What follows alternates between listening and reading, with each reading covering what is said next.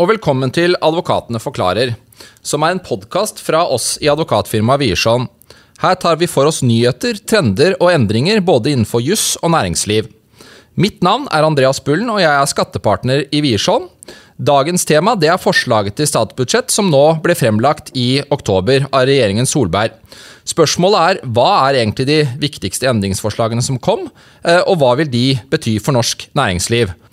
Sammen med meg i studio for å belyse dette er min gode kollega og partner Nikolai Wold. Og Nikolai, eh, hvis du skal oppsummere de viktigste tingene i statsbudsjettet, hva vil du da trekke frem?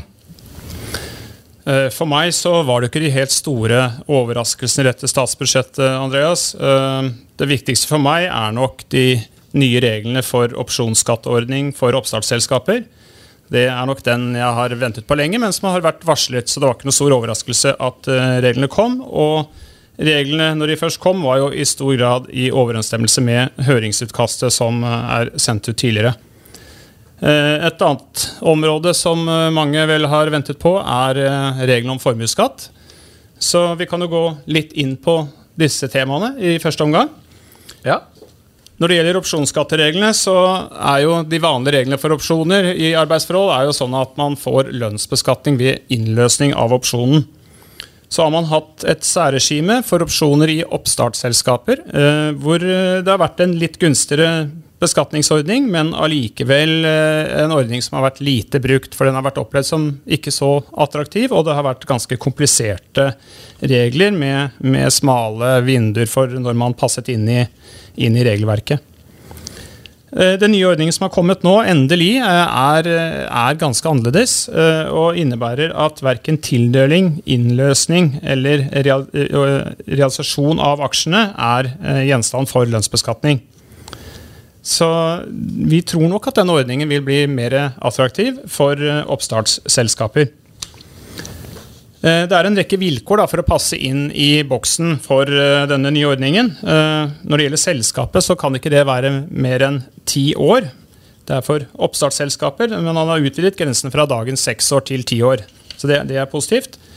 Det er også grenser i forhold til selskapets størrelse. Uh, man kan ikke ha mer enn 50 ansatte årsverk i selskapet.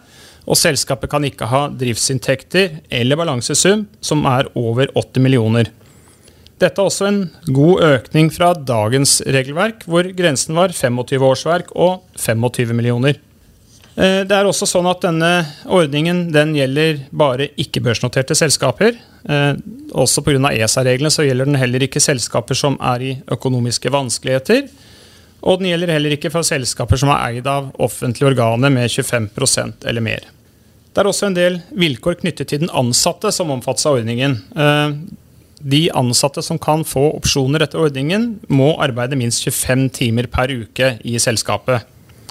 Uh, og de kan heller ikke være store aksjonærer. Der er det satt en grense på 5% av selskapet, så de kan ikke eie mer enn 5% av selskapet for å omfattes av ordningen. Når det gjelder selve opsjonen, så er opsjon personlig knyttet til den ansatte. Uh, så den ansatte kan ikke opprette sitt eget investeringsselskap uh, og få opsjonene tildelt der og komme inn under fritaksmetoden.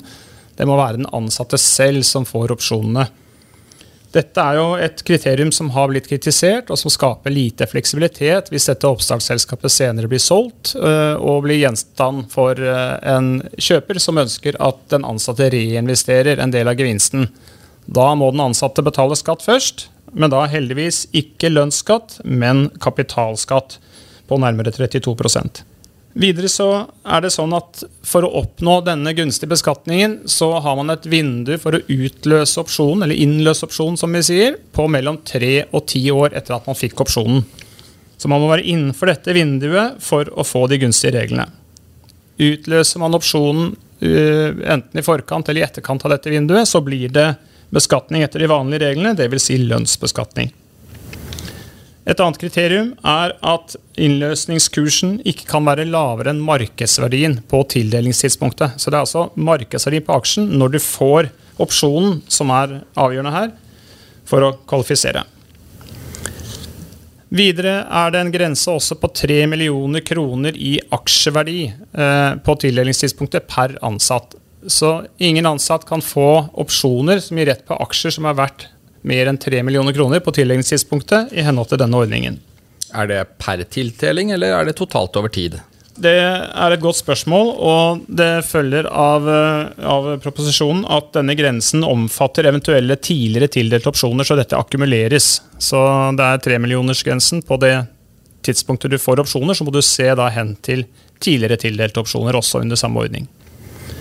Det er også en øvre grense for selskapet under ett. Det er maks eh, opsjoner for aksjer til en verdi av 60 millioner, som er grensen der også. Så der vil man også kunne få en, en grense som spiller over på den ansatte.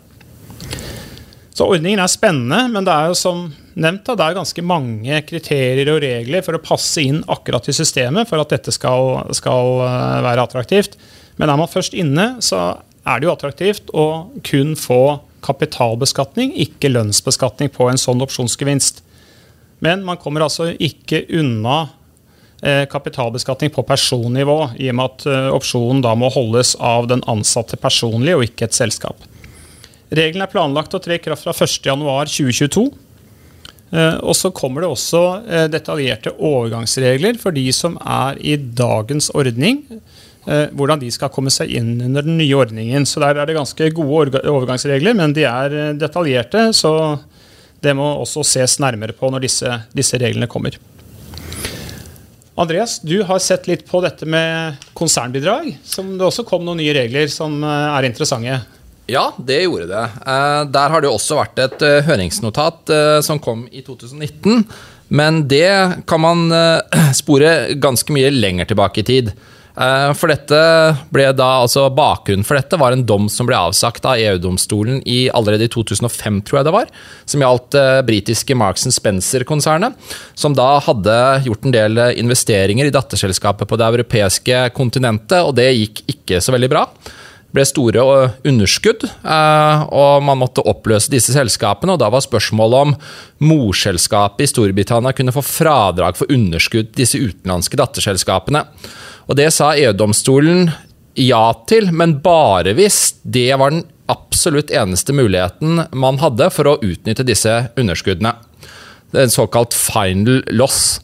Eh, Norge har ikke innført noen regler på bakgrunn av denne dommen, men så kom det en dom for Yara fra EFTA-domstolen for noen år siden, som i og for seg bare konstaterte det samme, og en tilsvarende dom for Høyesterett. Så nå har man da tatt konsekvensen av det. Konsernbidrag det er da en form for resultatutjevning på konsernnivå, slik at et overskuddsselskap i konsernet kan overføre en del av overskuddet til et underskuddsselskap, slik at man bare betaler skatt på netto overskudd på konsernnivå. Eh, historisk så har det bare vært mulig da å gi konsernbidrag mellom to norske selskaper, slik at ikke et norsk morselskap f.eks. kan gi bort overskuddet til et datterselskap i et annet land, hvor kanskje det datterselskapet blir skattlagt med en mye lavere skattesats. Det vil jo skape sterke insentiver. Men EU-domstolen og EFTA-domstolen har jo sagt at det må man tillate i de tilfellene hvor datterselskapet har et final loss. Men det er ikke slik at det er fritt frem for å gjøre dette her. Her er det skrevet inn veldig mange vilkår i loven. Eh, noen av de kan åpenbart eh, utledes av EU-retten, mens andre kanskje er litt mer eh, uklare om egentlig har støtte i EU-retten. Det sentrale vilkåret det er jo da at uh, dette er et fine loss hos det utenlandske datterselskapet. Uh, og Det er da definert som et underskudd som verken på et tidligere eller senere tidspunkt kunne blitt brukt på noen som helst annen måte, verken av datterselskapet selv eller noen annen tredjeperson. Uh, så det skal relativt mye til for at man havner i denne situasjonen. Det er også en rekke andre vilkår knyttet til dette. Ehm, eh, for det første så må det ikke være slik at eh, eh, manglende mulighet til å bruke underskuddet i datterselskapsstaten skyldes at rettslige begrensninger i internretten der. F.eks. hvis det er slik at man bare får lov å fremføre et underskudd i sju år, og den grensen har utløpt, da er det ikke et final loss som man kan få fradragsføre. Eh, I tillegg til dette så er det også en eh, rekke andre vilkår eh, som jeg ikke vil gå inn på her i dag, men som til syvende og sist gjør at denne bestemmelsen har blitt nokså omfangsrik, og at det er i helt eksepsjonelle tilfeller egentlig alle disse vilkårene vil bli, være oppfått, oppfylt. Men det kan skje i spesielle tilfeller.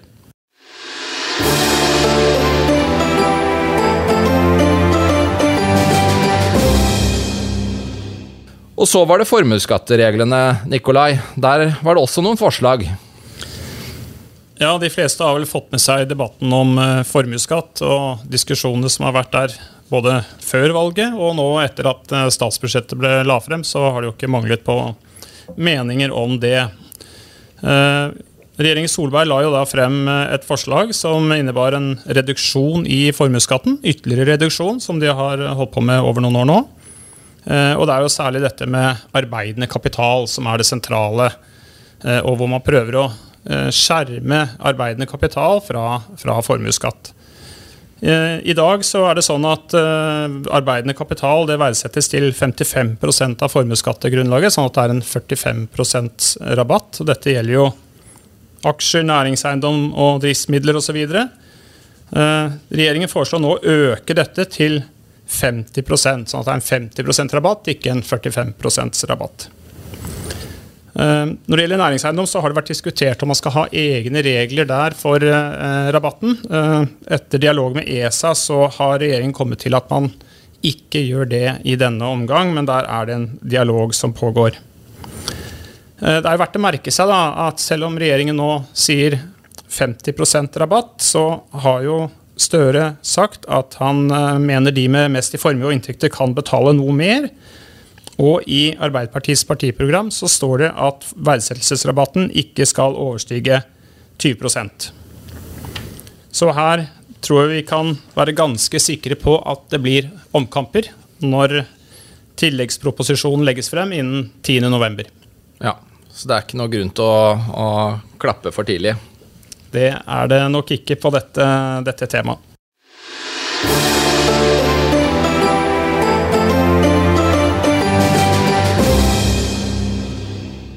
Til slutt så kan jeg også nevne at det er foreslått eh, endringer i reglene om søksmålsadgang i skatteforvaltningsloven.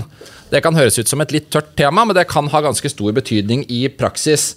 I dag er det slik at man eh, kan anmode skattemyndighetene om endring av skattefastsetningen for tidligere år, selv om man ikke har klaget innen fristen. Og Hvis man da eh, anmodningen blir avvist rett og slett eh, på prosessuelt grunnlag, skattemyndighetene mener at det ikke er grunn til å gå inn på dette nå, så kan man i dag ta det inn for domstolene. Men det nye forslaget det går da på at man ikke ikke lenger kan ta slike beslutninger innenfor domstolene. Og heller da ikke eh, avslag på eh, å avgi en eh, bindende forhåndsuttalelse. På den annen side så er det også en viss lettelse i disse reglene. Eh, for det kan da være slik at man i dag eh, da anmoder om endring av ligning før søksmålsfristen har gått ut, f.eks. fem og et halvt eh, måned etter at man har fått vedtaket, men eh, anmodningen ikke blir avgjort før er, eh, søksmålsfristen er utløpt. og Da havner man på et vis i en felle.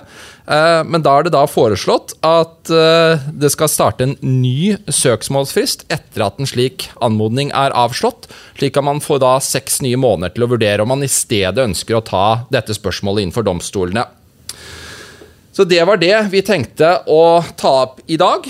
Eh, og vi takker da for at du hørte på Advokatene forklarer. Eh, viktig at du husker å abonnere på podkasten for å få med deg de kommende episodene. Vi høres!